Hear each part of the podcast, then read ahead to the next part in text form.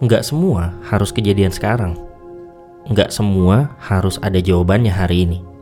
Sabar, pelan-pelan, satu persatu. Klise ya, geli. Kadang kita anggap bullshit aja. But it's true. Semua butuh waktu. Hal baik datang di waktu yang tepat. Prinsipnya emang begitu. Tinggal kita jalani dengan dua jenis sabar.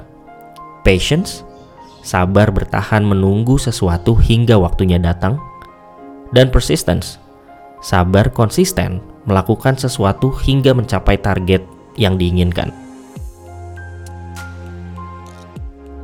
Semoga kita dapat yang kita inginkan dalam bentuk yang kita butuhkan di waktu yang paling menyenangkan.